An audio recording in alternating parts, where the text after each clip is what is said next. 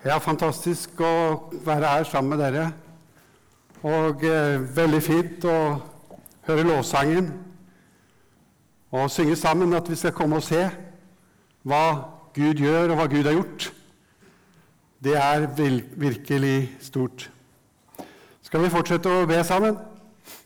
Herre Jesus Kristus, jeg takker deg fordi at eh, du er til stede her. Og du vil oss noe. Du vil gi oss et møte med deg. Og Nå ser du at vi kanskje har forskjellige motivasjoner for å komme hit. Men du er her av en grunn, og det er for å få kontakt med oss. Og Nå ber vi Jesus om at du sender Den hellige ånd inn i våre hjerter. Både jeg som skal tale, trenger det, og de som skal høre, trenger det. Og Vi trenger at du kommer oss nær på en slik måte at vi får se hvem du er, og hva du vil. Dette ber vi om i ditt navn. Amen. Ja, Vi har den siste vika hatt eh, noen møter med tema respons. Og eh, denne månedens tema er eh, valg. Valget til å følge Jesus. Men det er også blitt eh, snakket litt om at Gud har valgt å komme oss i møte. At Gud har valgt deg, valgt oss som sin, og om at Den hellige ånd kaller oss. Om at vi ikke selv egentlig har så at vi ikke kan av oss selv komme til Gud, men Gud kommer oss i møte. Og når Gud kommer oss i møte, så kan vi gi en respons på det møtet, på det du hører. Den forkynnelsen som ble gitt, kan du gi et svar på. Du stilles da på valg. Når ordet forkynnes, så stilles du på valg, og det er spørsmål om hva du vil. Jeg har to, to tekster som omhandler den samme situasjonen. Den ene er fra Matteus 22, og den skal vi lese til å begynne med i dag. Og Den har som overskrift lignelsen om kongesønnens bryllup. Den andre er fra Lukas 14, om det store gjestebudet. Det er Jesus som taler. Og disse to tekstene tror jeg er opprinnelig den samme tale. Den samme grunnfortelling, men at Jesus der endrer noen detaljer for å tilpasse historien til den samtalen han er i akkurat der og da. Det syns jeg er litt trøst for oss predikanter, at eh, Jesus selv brukte det samme temaet flere ganger. Det er slik at vi også bruker de samme talene enkelte ganger. Og det er godt at Jesus gjorde det på samme måten. Iallfall så ser det sånn ut. Da leser vi fra Matteus 22 eh, og fra vers 1. Igjen talte Jesus til dem i lignelser. Himmelriket kan sammenlignes med en konge som skulle holde bryllup for sønnen sin. Han sendte tjenerne sine til de innbudte og ba dem komme til bryllupet. Men de ville ikke komme.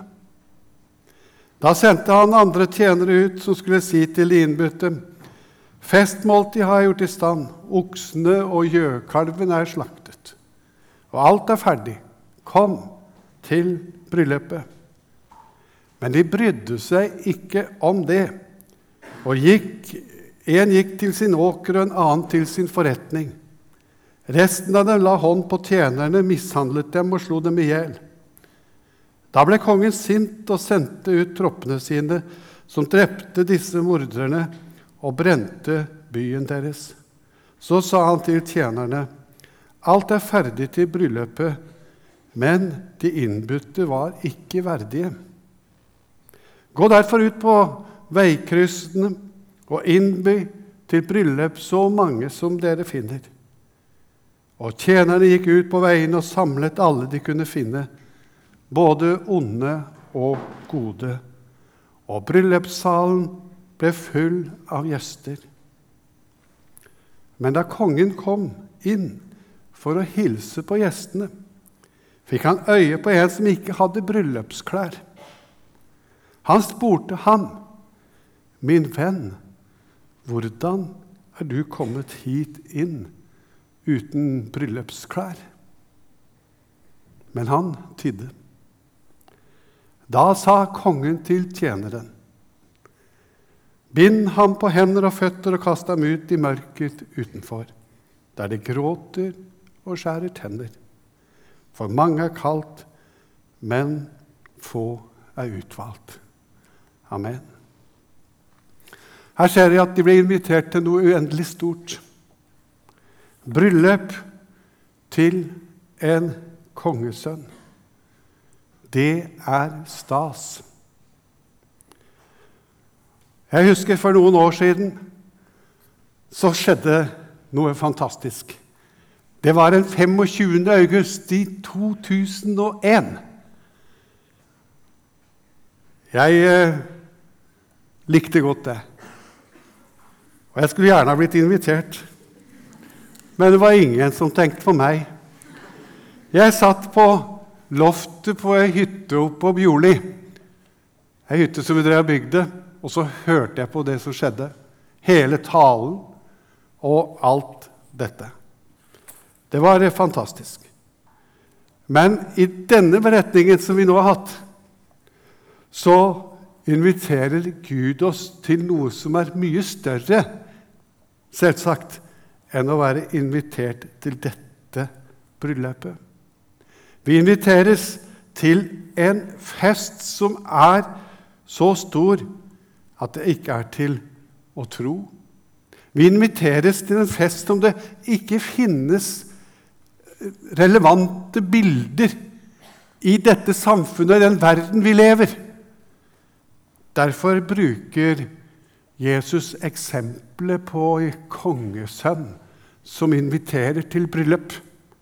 Derfor bruker han på en måte det vakreste bildet som han kan tenke at de forstår.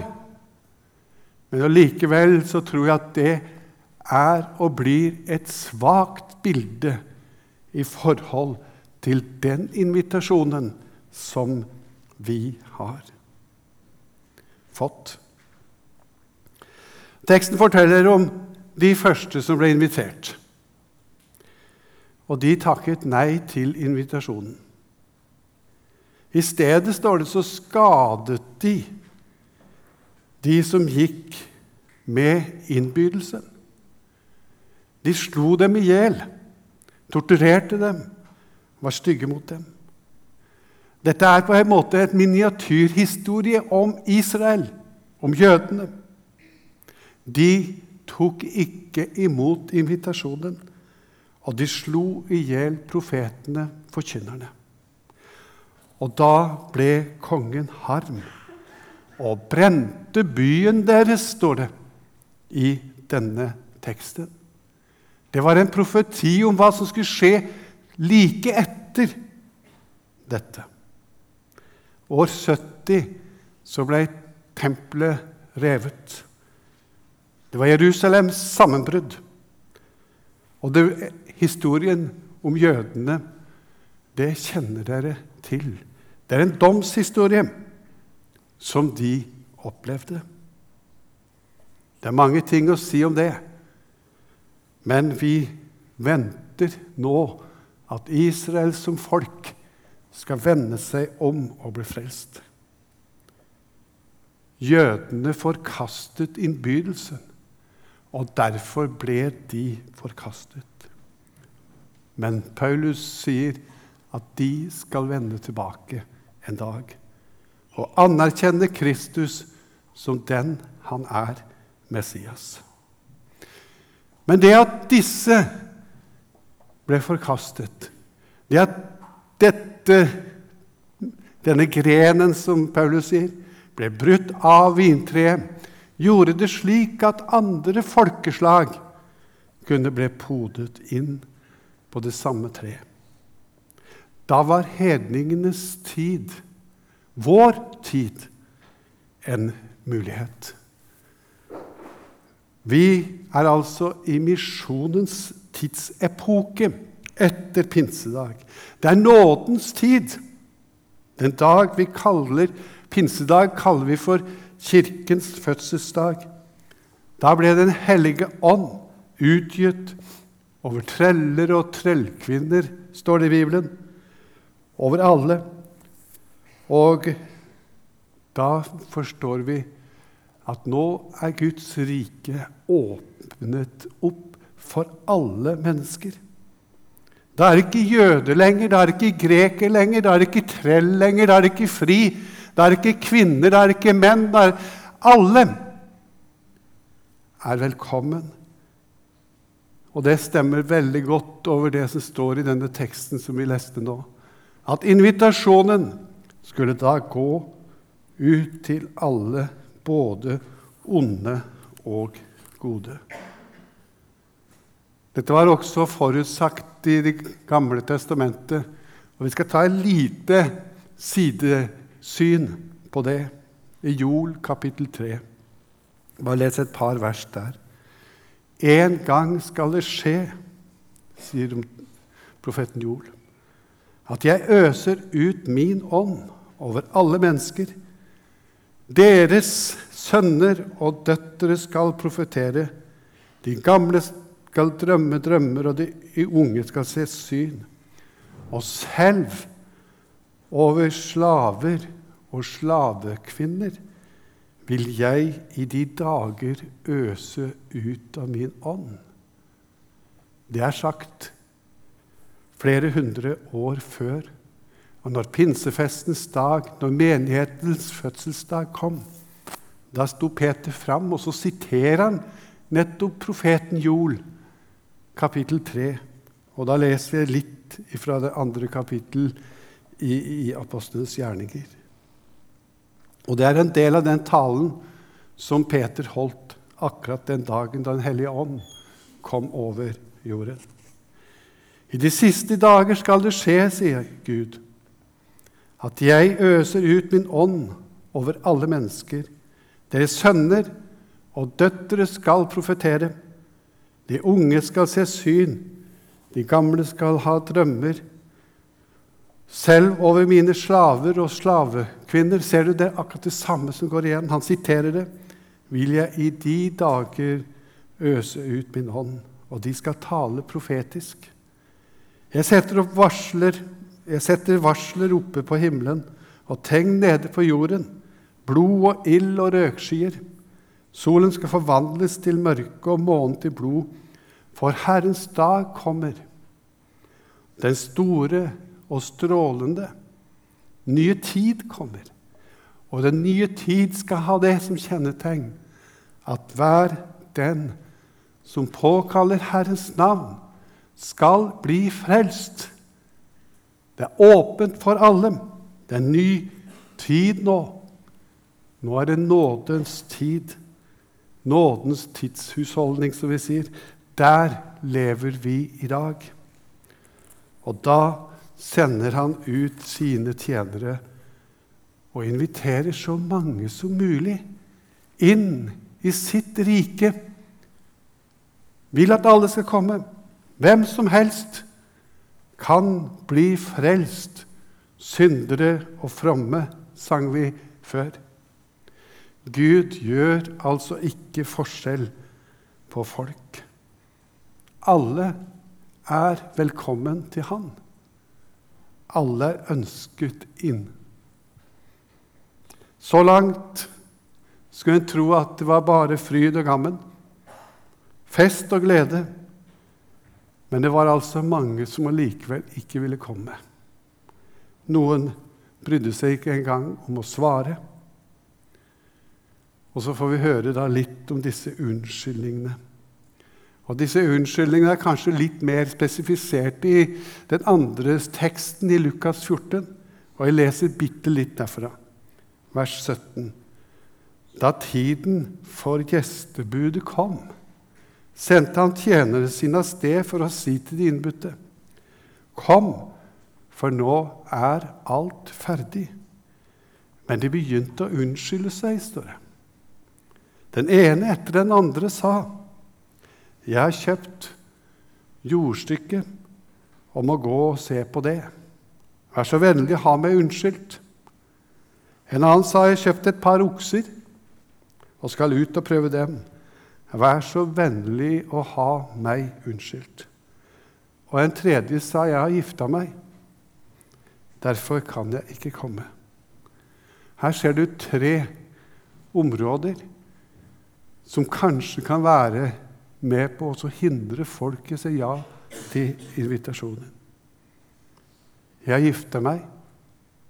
Kanskje det er familierelasjoner som gjør det vanskelig å si et helhjertet ja til Jesus. Kanskje du opplever noen i din nære omkrets som eh, hindrer deg litt. Og så holder du dette på avstand og tenker at eh, det skal bli senere. De to andre områdene det er Han hadde kjøpt seg både et jordstykke og de hadde noen okser. Det er på en måte forbinder det både med kapital og arbeid. Rikdom og arbeid. Det er en veldig stor hinder i mange sammenhenger. At en ikke tør eller ikke vil si ja for en kanskje må endre på noe i forhold til de tingene. Jeg vet ikke hvordan du har det, du som jeg taler til nå. Du som er i misjonssalen her i dag. Jeg vet ikke om du har sagt ja til invitasjonen fra Jesus, eller om du har en eller annen slags unnskyldning og sier 'vent, jeg skal senere'. Skal du, du, skal i hvert fall være klar over én ting. At den teksten, eller de tekstene som er blitt lest i dag, de har du hørt. Og de stiller deg på valg. Siden du har hørt dem, så stiller de deg på valg. Det er altså ingen unnskyldning å si at du ikke visste. Du vet. Og i dag er nådens tid. Dag er muligheten, og du kan si ja til dette kallet. I denne Matteus 22-teksten så, så, er det så deprimerende å lese slutten. Det er litt om dommen der. Det er litt om eh, når denne tidstiden er over. Når det, når det ikke lenger er noen som går ut og inviterer og sier at du kan komme. Døren er lukket. Fremtiden er beseglet. Det finnes altså en dag hvor nådekallet eller invitasjonen til å bli og få det rett med Jesus ikke blir sendt ut noe mer. I dag er nådens tid. I dag er Gud å finne. I dag har du mulighet til å gjøre opp med Gud, men du vet ikke hvor lenge invitasjonen står ved lag. Hvordan skal vi tenke om den mannen da, som ikke hadde bryllupsklær på? Representerer han en spesiell gruppe mennesker? Er det slik at eh, Jesus ville fortelle oss noe med, om, om å ta han med i denne beretningen. Jeg tror det. Jeg tror han ville legge et alvor innover oss. Kanskje denne mannen var en som syntes det var helt fint, helt ok, å være i et, et miljø som hører Guds rike til. Selv om han på innsiden aldri hadde sagt ja og respondert på det som var blitt forkynt. Han levde bare i miljøet uten å si ja i sitt hjerte til Jesus. Det var akkurat som om dette er en del av det bildet som kanskje skal være i slutten av denne tid. Kanskje det er mange som har det slik som denne. Hvis en går litt inn i tekstene, så ser en kanskje det er slik at det, det er den som ikke bærer de frukter. Guds rikets frukter, som det står om i kapittelet foran i det 43. vers der. Det har bare hatt en ytre tilslutning til kirke, til eh, bedehus og misjonshus og til, eh, eh, til, til livet sånn. Men ikke hatt et oppgjort hjerteforhold til Jesus. Så kom da kongen inn. Det er selvsagt ikke bilde på himmelen, for det er ingen som skal kastes ut av himmelen. Men det er et bilde på Guds rike her på jord. At Gud kommer inn, og så ser han at her er det noen som ikke har sin sak i orden med meg. Det er alvor. Det er veldig alvorlig.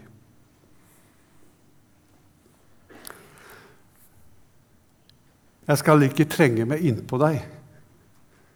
Det har jeg ikke noe mulighet til heller. Men jeg har lyst til at Guds, og håper at Guds ånd kan komme litt på innsiden av ditt, av deg nå, og spørre deg litt personlig Lever du med Jesus? Har du opplevd å møte ham? Er, er han din frelser? Lever du sammen med ham? Eller er du bare en del av en ytre tilslutning? For all del, for all del. Om du vet med deg selv nå at du er egentlig ikke en personlig kristen, så vil jeg si at vi er glad for at du går her i misjonssalen. Du er spesielt velkommen, faktisk, til misjonssalen. Og Jesus han, han, ønsker å invitere alle, står det. Gå ut på gater og streder og, og byd folk til å komme inn. Vær frimodig og få dratt dem inn. Slik er det. Du skal få lov til å, å komme. Og sjøl om du kanskje kunne tenke at din kristendom, ditt forhold til kristen tro, det er både hyklerisk og litt hult,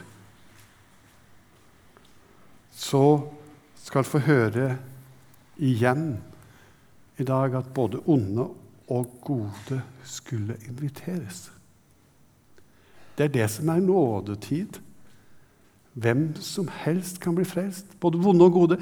Om du da skulle oppdage om deg selv nå i kveld at du inntil nå har levd på et bedrag Du har ikke tatt det så alvorlig. Det har vært hyklerisk alt sammen. Så er du velkommen til Gud med ditt hykleri, med ditt nederlag, med din feighet, med din redsel. Du er velkommen til Gud akkurat nå. Enten du hører til det ene eller det andre.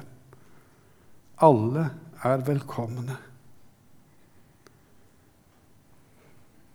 Du skal få be til Jesus